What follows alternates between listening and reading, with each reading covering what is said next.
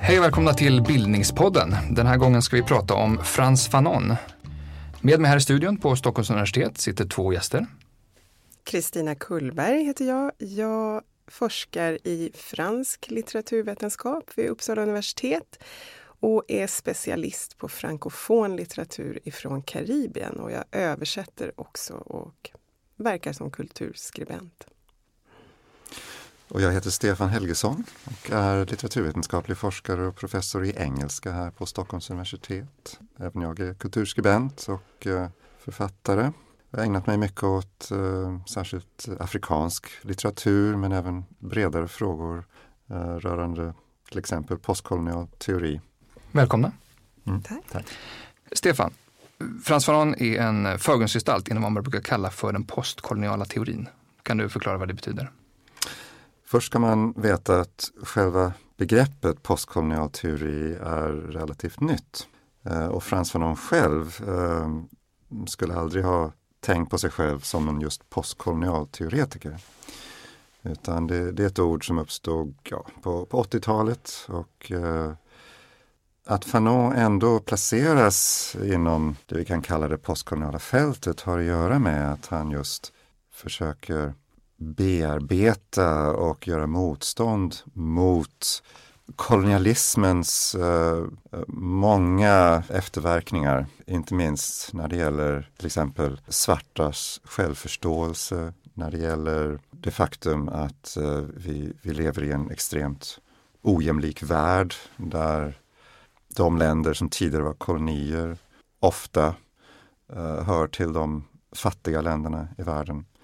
Eh, och liknande. Det, det, det, alla de här frågorna bearbetas genom den postkoloniala teorin. Och det som kanske gör Fanon och eh, inte minst den här boken som vi kommer att prata om idag, Svart hud, vita masker, eh, speciell är att den, den eh, arbetar också med eh, de, de eh, kulturella eh, och psykologiska dimensionerna av kolonialismen. Det är alltså inte bara fråga om en strikt politisk analys. Det, det är en oerhört bildad bok men det är inte en akademisk bok.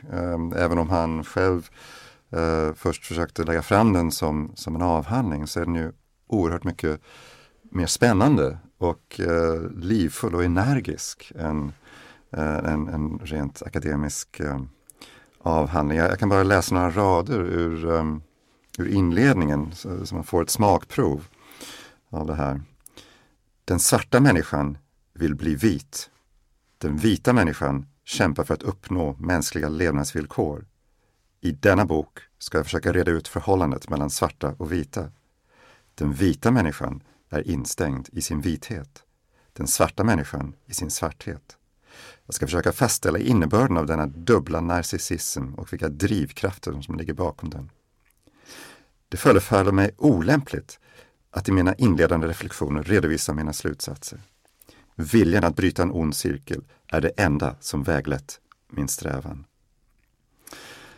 Um, så det, det, det, finns den här energin och den här uh, en sorts uh, uh, abrupt um, stil som man odlar. Mm. Som syftar kan man säga till att hantera en oerhört paradoxal situation som han befinner sig i som svart människa och som den, den koloniserade människan befinner sig i. Vi ska, åter, vi ska återkomma till boken, eh, men om vi skulle säga något kort om eh, Fanon eh, som person, var, var kommer han ifrån? Han kommer ifrån en liten ö i franska Västindien som heter Martinique. Den är ungefär lika stor som Gotland, för att få någon form av uppfattning. Koloniserades på 1600-talet och när Frans Fanon föddes 1925 så var den här ön fortfarande en koloni. Idag så är det vad man kallar för ett departement bortom haven alltså fortfarande en del av eh, Frankrike, så att man med en röst i det franska parlamentet. Eh, Fanon kom ifrån den övre medelklassen, en svart familj. Eh, man kallar det för den svarta bourgeoisien. Eh, hans pappa var tulltjänsteman tror jag. Hans mamma hade en butik i eh, huvudstaden Fort-de-France. Eh, och den här, lite att säga om den här ön också. Alltså det är då en eh, kreolsk kultur skapad av kolonialism. Där man tidigt förde svarta människor ifrån Afrika som man satte i slavarbete. Och sen så blandades eh, olika kulturer ifrån Span Spanien, Frankrike, England, Holland när man slogs om de här öarna på 1600-talet. Eh, och de, den här kulturen är väldigt, väldigt eh, präglad av slaveriarvet. Eh, och det är någonting som han bär med sig också. Vad vet man om hans tidiga erfarenheter av det? så att säga? På Martinique inte så mycket. Eh, det är ju det han kommer tillbaka till hela tiden i den här boken, att så länge den svarta människan lever i den här i, i stort sett bara i förhållande till, till andra svarta och i hans fall då i den martinikanska kulturen där martinikanerna då ska uppfattas som fransmän, så är allt okej. Okay. Tills man då kommer till Frankrike eh, och konfronteras med den vita kolonialherrens verklighet och där han då blir klassad som svart. Han misstas för att vara nordafrikan för han är ljusare i huden. Eh, och så där vidare. Så att det är väl just den, den spänningen mellan upplevelsen i Karibien och sen så att komma till Frankrike.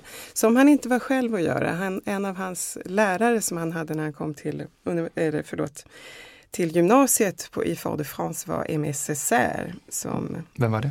Han var en stor eh, martinikansk poet som eh, kom också till Paris på 20-talet, eller 30-talet förlåt, där han träffade andra svarta och började tänka kring vad det är att vara svart och grundade det man kallar för negritudrörelsen.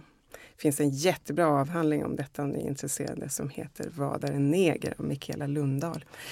Kan du eh, kortfattat sammanfatta negritudrörelsen? Negritudrörelsen, det är en sorts black power movement kan man väl säga. Eh, en fransk eh, rörelse som är väldigt starkt grundad i surrealismen också. Där man ska, de försöker eh, uppvärdera det svarta mot eh, det vita och ta tillbaka det afrikanska arvet, vilket var väldigt viktigt för någon som Aimé som hade så, på, på något sätt brutits eh, ifrån sin amerikansk, eh, afrikanska eh, sitt afrikanska ursprung. Och så tar de det, det svarta och formulerar det mot det vita och ja, utforma en sorts stolthet men också en väldigt stark poetik som är färgad av, av surrealismen. Eh. Vilken typ av inflytande fick rörelsen också så på, på Fanon? Stor skulle jag säga. När han börjar att skriva om att eh, i den här boken Svart hud, vita masker så säger han att han vill inte skrika längre. Han ska säga det här lugnt, försöker han. Jag vet inte hur lugn han egentligen är sen. Men i alla fall, han säger att han vill göra det samlat, han vill intellektualisera det här. Och det här när han pratar om skriket så pratar han indirekt om MSSR skulle jag säga. Eh, och att Fanon, det här negritydrörelsen är jätteviktig. Han citerar César genom hela den här boken. Men han vill ta ett ett annat, eh, vad ska man säga, en annan riktning och just tänka dialektiken mellan svarta och vita och utgå ifrån den här dubbla erfarenheten som man har som karibier men som det också innebär att vara en globaliserad människa i en, en kosmopolitisk stad som Paris och, och Lyon med mycket stort inflytande. Mm, så småningom kommer han till Frankrike och studerar mm. psykiatri. Ja, hans bana är lite speciell för nästan alla intellektuella från kolonierna får stipendier ifrån Frankrike. Så de får åka till Paris eller Lyon, där han hamnade, eh, och studera. Men Frans Fanon, han åkte faktiskt först till Frankrike som dissident. Han stred för Charles de Gaulles trupper mot nazismen. Martinique låg under Vichy-regimen så de var under liksom indirekt tyskt styre. Och han var en av dem som liksom slogs uh, ja, mot, mot nazisterna. Så det här är lite ovanligt. Och sen var det först efter kriget som han skriver in sig uh, som student och börjar studera i Lyon. Just andra världskriget är ju eh, oerhört viktigt här. Mm. Dels för Fanon personligen men också för hela den eh, antikoloniala rörelsen. För att eh, det, det är här, eh, i och med andra världskriget, som det, det sker det här skiftet hos Fanon från att ha levt helt i en martinikansk eh, svart värld Eh, och han konfronteras eh, dels genom de här eh, franska Vichy-soldaterna då som posteras i Martinique med en typ av, av, brutal rasism som han inte hade riktigt erfarit tidigare. Och sen ovanpå det, när han går in och, och kämpar på de Gaulle och de allierades sida som ju var en, en kamp just mot, mot nazism, mot rasism, för demokrati. I grunden alltså en, en oerhört uh, positiv kamp. Så erfar han att också i, i, i detta sammanhang så är han betraktad som, som svart. Liknande erfarenheter eh, eh, gjordes av, av många Eh, ja, svarta indier eh, som drogs in i andra världskriget och eh, slogs inte minst eh, på den, den, brittiska sidan. Och man kan säga att, att här blev eh, Europas och, och västvärldens hyckleri uppenbarat för Fanon och, och många andra. Vilka typer av eh. spår sätter det där i hans tidiga skrivande och tänkande? Går det att säga något om det? Ja, alltså, I uh, Svarthudvita masker finns det ju bland annat en, um, ett väldigt berömt kapitel som i svensk översättning heter Den, den svarta människans upplevelsevärld. och där skriver Fanon fram en, en, det man då med en filosofisk term kallar en fenomenologisk redogörelse för, ja, och fenomenologi som alltid är ett svårt ord att uttala, Eh, det, det utgår från, kan man säga, individens eh, upplevelse av världen. Eh, det, man talar, det man kallar för, för livsvärlden. I, I det här kapitlet så, så kan man säga att, att uh, Fanon eh, tecknar den här väldigt besvärande och oerhört nedbrytande erfarenheten av att först uppleva sig som en, en hel människa och sedan konfronteras med den vita människans blick som gör att han börjar se sig själv utifrån som ett objekt och, och som denna nedvärderade människotyp som är den svarte. Så att han, han, han beskriver den här processen inifrån. Där är han ju inte eh, ensam eller den första egentligen. Jag, här skulle jag kunna nämna en, en amerikansk intellektuell som ehm, um, W.E.B. Du Bois uh, i vars fantastiska essä uh, The Souls of Black Folk uh, från 1903, tror jag det var, den publicerades. Um, gör faktiskt någonting liknande men, men Fanon är ännu mer, ännu skarpare filosofiskt och stilistiskt kanske också. Hur banbrytande är den här boken i, i sin tid? Å ena sidan så, så, är, det, är den ett, ett unikt verk i sig och det, det, finns goda anledningar till att vi sitter nu sådär 60, snart 65 år sedan den först publicerades och diskuterar den. Och den lever så att säga i kraft av, av sin stil, sin skärpa, eh, sin, eh, sina filosofiska insikter. Men det är också oerhört viktigt att se Fanon som en av många kring den här tiden. Både i den franskspråkiga världen eller det franska imperiet men också i, i eh, det brittiska och portugisiska eh, imperierna som en, en av många intellektuella och författare som uh, bearbetar de, de mänskliga eh, kulturella konsekvenserna av eh, det koloniala förtrycket. Och det, och det märks i Svart hud, vita masker där Fanon till exempel går till angrepp mot eh, Octave Manoni, en eh, annan eh, fransk intellektuell som Ehm, var verksam på Madagaskar och eh, skrev om eh, det han kallade för eh, den koloniserade människans beroendekomplex. Och eh, egentligen skulle jag säga så ligger Manoni och Fanon mycket närmare varandra än Fanon någonsin skulle medge här i, i boken. Men, men då var det ju viktigt för honom att, att eh, gå i polemik eh, för att markera en, en, en skillnad. Ehm, eh, men, men det, och, och, i Fanons bok Svartvita masker som jag har sagt så um, går han i dialog med ehm, um, Negritude uh, eh, med Jean-Paul Sartre. Um, och, och det här, den här cirkeln kan vidgas och, och framförallt så finns det många cirklar uh, där uh, man kan se hur under Eh, 1900-talet, från, i princip från början av seklet framåt så är det fler och fler eh, författare, aktivister, intellektuella i Eh, i Västindien, i eh, Sydafrika, i eh, Angola, Mosambik, i Indien och så vidare. Som, ehm, som arbetar med liknande frågor som, som Fanon. Mm kan lägga till, det är väldigt intressant för precis som du säger, det finns liksom rörelser i samtiden där just den här boken kommer till. Eh, 1956 så håller man den första kongressen för svarta författare i Paris. Och det är jätte, jätteviktigt. Och Fanon var med där och det här var alltså fyra år då innan Svart hud, vita masker kom ut. Däremot så är receptionen i samtiden, i Frankrike i alla fall, eh, ganska liten. Man märker inte så mycket av det. Så att det finns liksom de här rörelserna men det radikalt nya som, som eh, Frans Fanon gör, det syns inte förrän lite senare.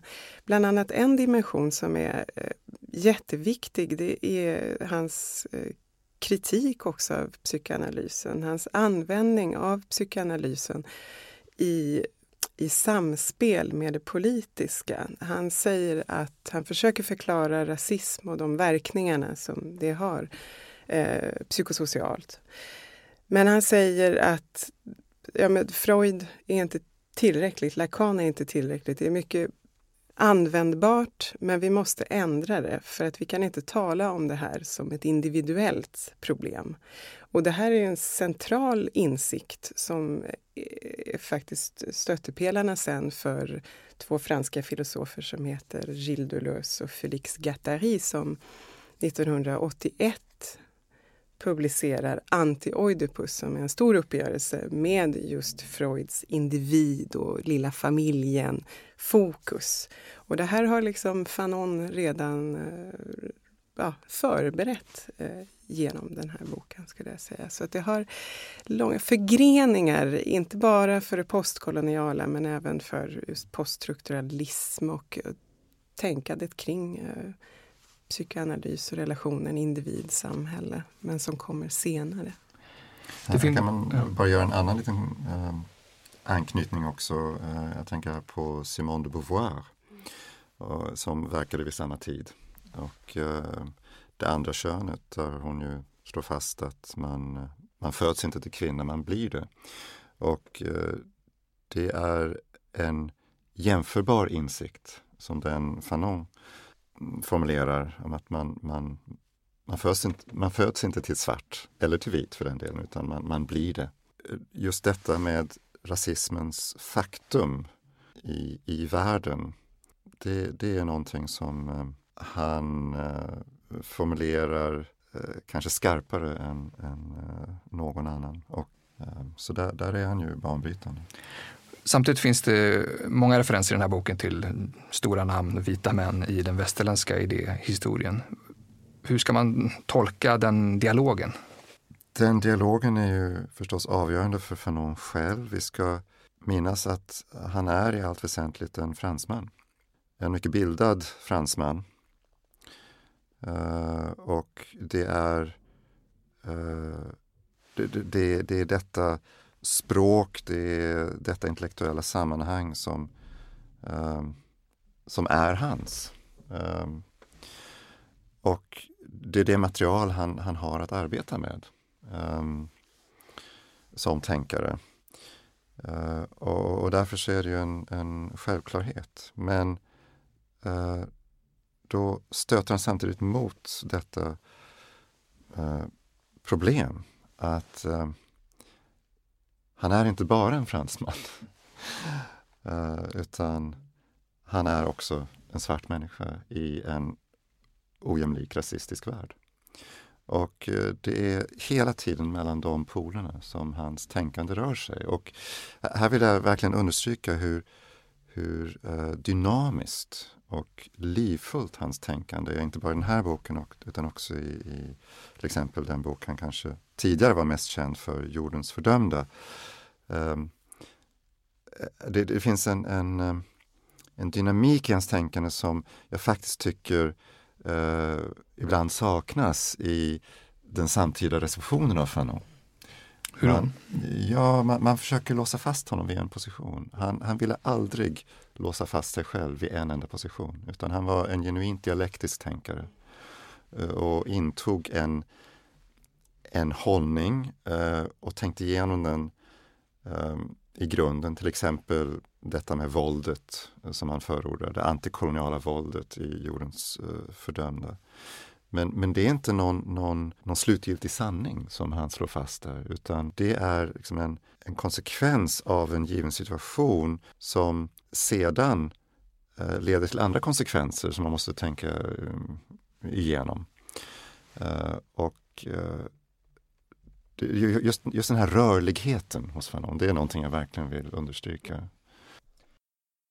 Ett viktigt tema i den här boken är, är frågan om beroende. Vad säger Fanon om, om det?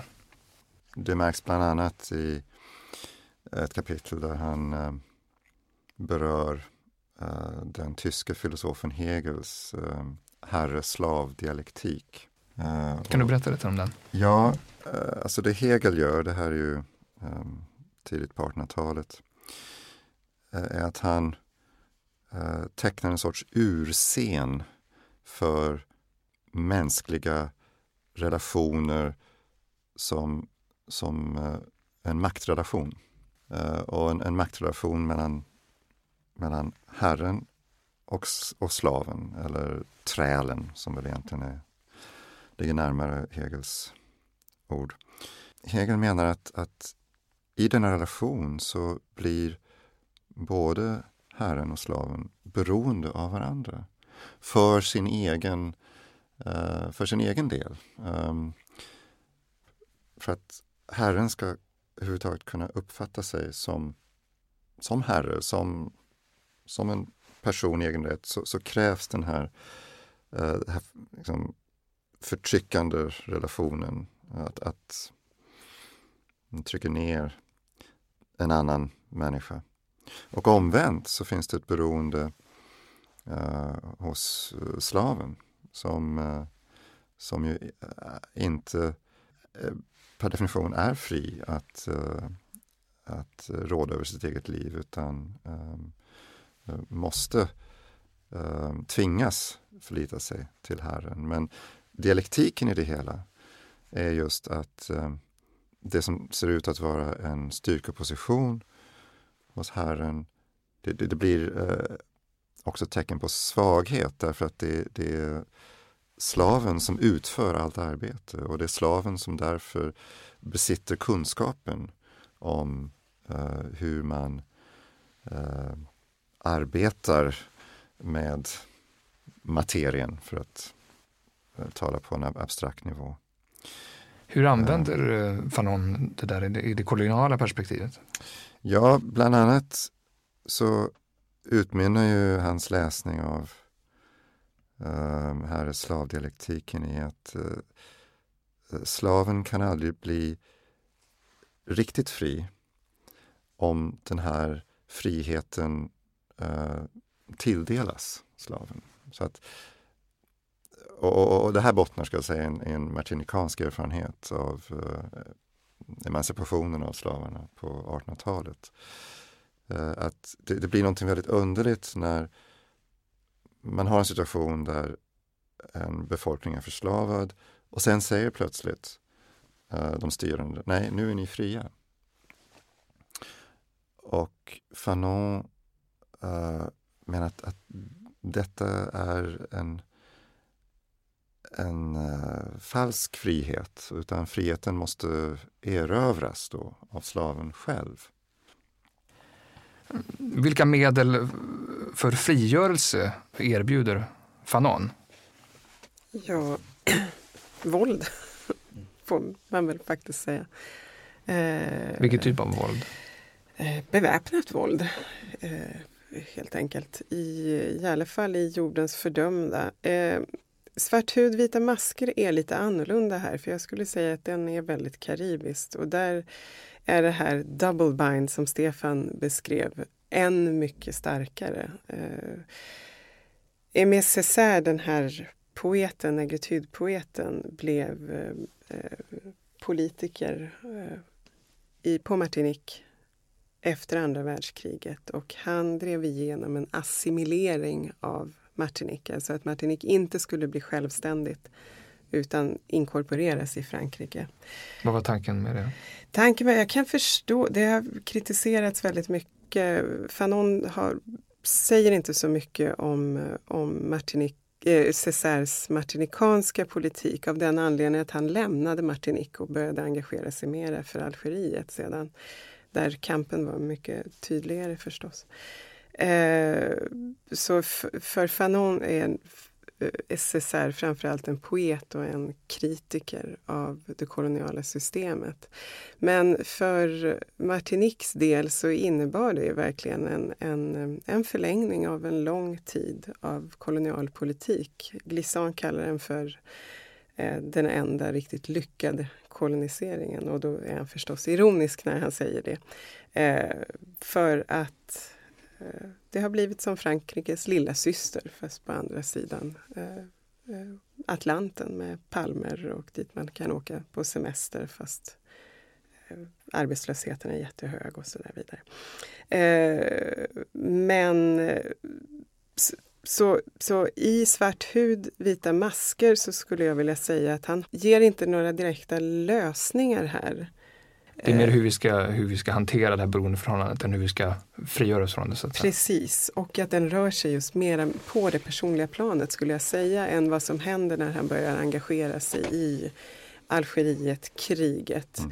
Och här har vi återigen det här paradoxala på 50 och 60-talet med våra västerländska demokratier som har ett annat typ av styre någon annanstans. Och det här är ju tillbaka återigen till hans erfarenhet av andra världskriget där han troddes verkligen slå, slåss för mänskliga rättigheter för den franska republiken och så vidare. Och så, så väcks man till det här otroliga hyckleriet och som man talar om även i Svart hud, vita masker, om de här tortyrscenerna och sånt här som Frankrike utövar mot sina kolonier. Är det viktigt för att förstå varför Fanon söker sig till Algeriet snarare än deltar i det martinikanska sammanhanget?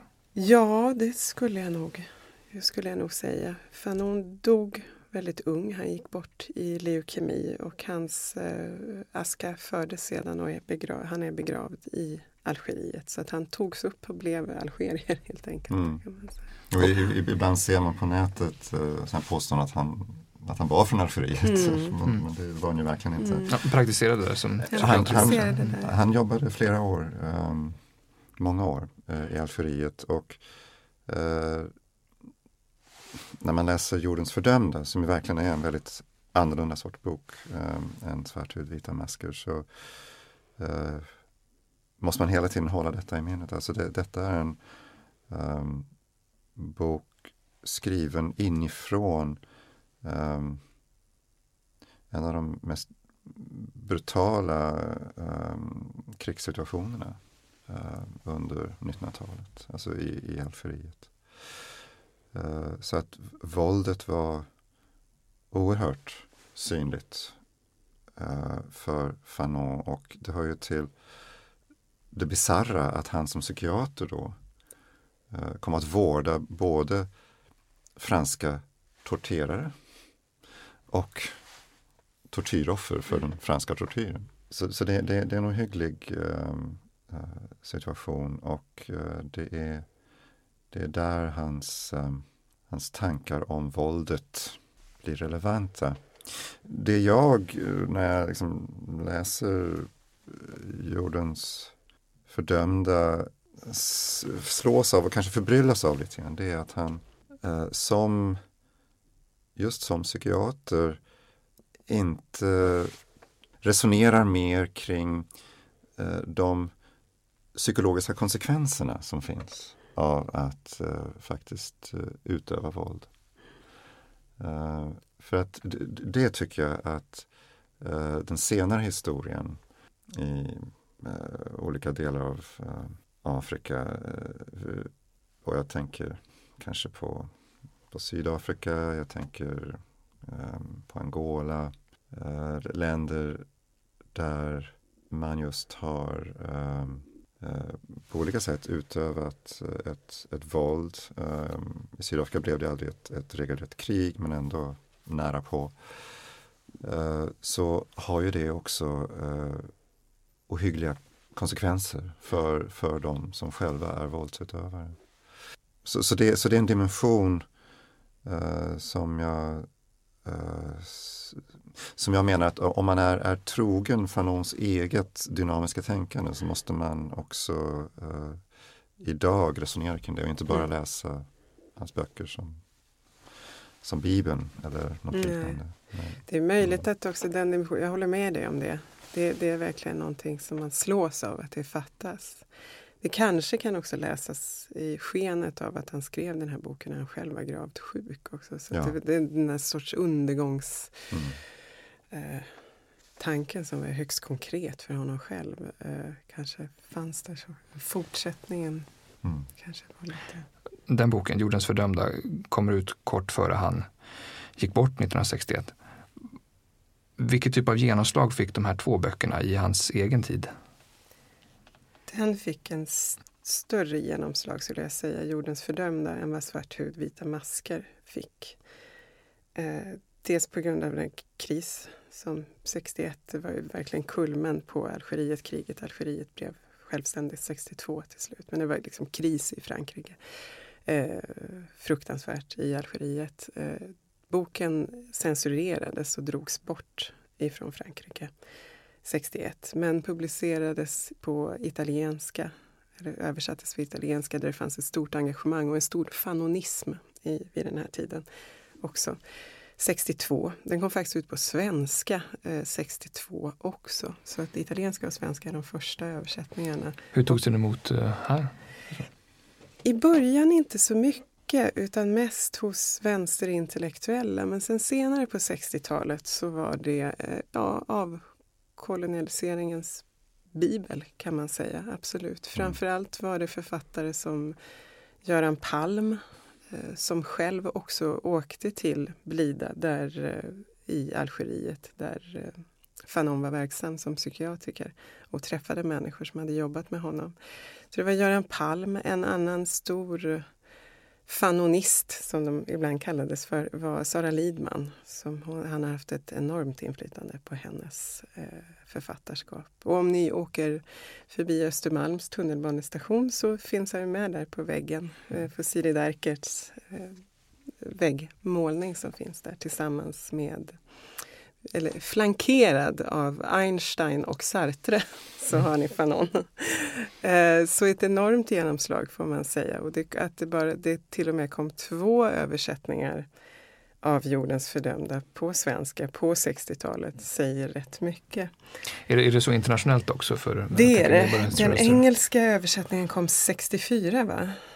Stämmer det? Däromkring. Jag, däromkring 63 eller 64, mm, men mm. däromkring så rätt snabbt efter. Eh, och den hade en enorm spridning får man säga. Mm. I eh, Black Power-rörelsen i USA tas han upp också mm. som den stora teoretikern. Men det är återigen den revolutionära Fanon. Mm. Och det ser man också i receptionen, svenska och norska och danska receptionen. Att det mm. är man pratar om om honom som psykiatriker också men det är framförallt eh, revolutionen och mm. avkolonialiseringen mm.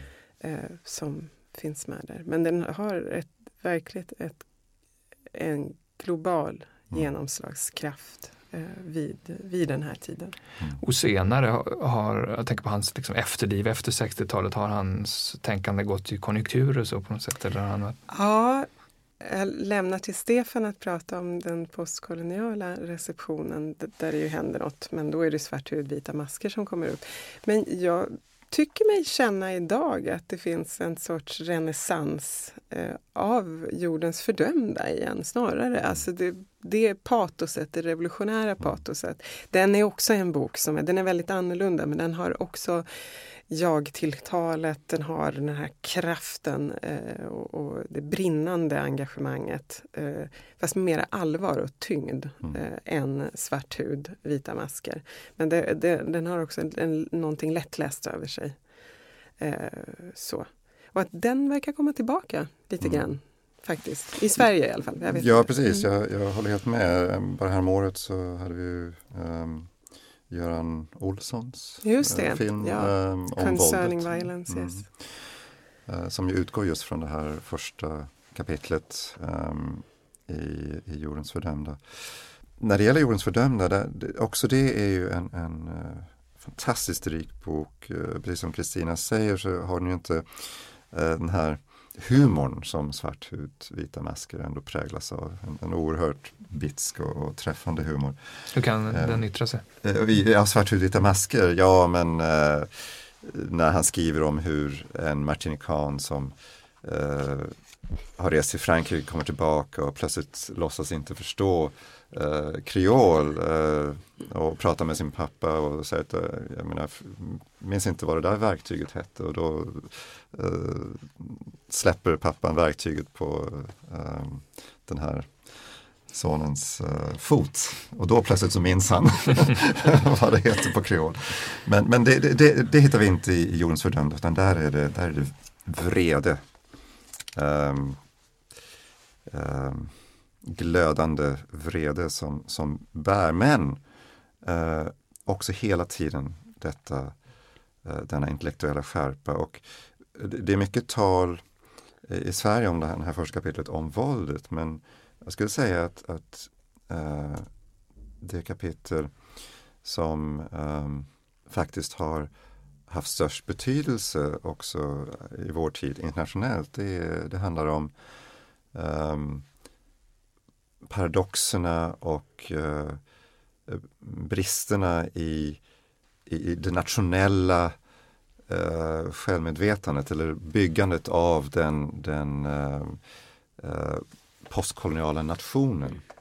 Och, och, det här är något väldigt märkvärdigt för att eh, Fanon skriver alltså precis innan eller samtidigt som större delen av Afrika blir självständigt. Så han, han har ju ingen egentlig historisk erfarenhet att bygga eh, sina iakttagelser på utan det är snarare så att han tänker framåt och, och ställer sig frågan, okej, okay, nu står Afrika inför självständighet. Vad är det som förmodligen kommer att hända? Jo, eh, det som kommer att hända är att en, den lilla eh, bildade eh, borgerliga minoriteten i de här länderna som är skolade eh, i Frankrike eller för den delen Storbritannien. Eh, de kommer att upprepa samma mönster eh, som kolonialherrarna. Så att de kommer att inta kolonialherrarnas plats.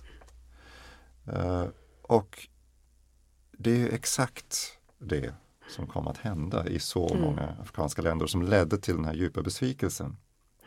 Och, och, och då försöker han tänka igenom, okej okay, men hur, hur ska man då göra för att undvika detta? Och det är där han fortfarande är extremt relevant. Kan Fanons tänkande förklara den utvecklingen på något sätt, mer än att han bara pekar ut det? Ja, i viss utsträckning um, skulle jag väl säga att den gör det. För att han, han gör ju en sorts uh, marxistisk analys där också mm. av hur uh, klassförhållandena uh, reproducerar sig själva. Um, Men det är väl där man också kan se ett eko eller en, en koppling mellan de här böckerna. Mm. Alltså just i hans analys av den, den eh, eliten i de före detta kolonierna och deras sätt att just ta på sig vita masker, om man nu ska ta hans metafor, och sen så fortsätta att utöva samma eh, form av förtryck, att man bara byter plats. Det får avsluta Bildningspodden för den här gången. Eh, stort tack Kristina Kullberg och Stefan Helgesson för att ni var med. Tack.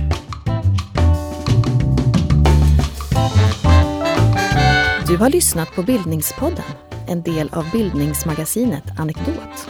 Podden spelas in på Språkstudion och ljudproducent är Kristin Eriksdotter Nordgren. Fler poddar, filmer och essäer hittar du på anekdot.se.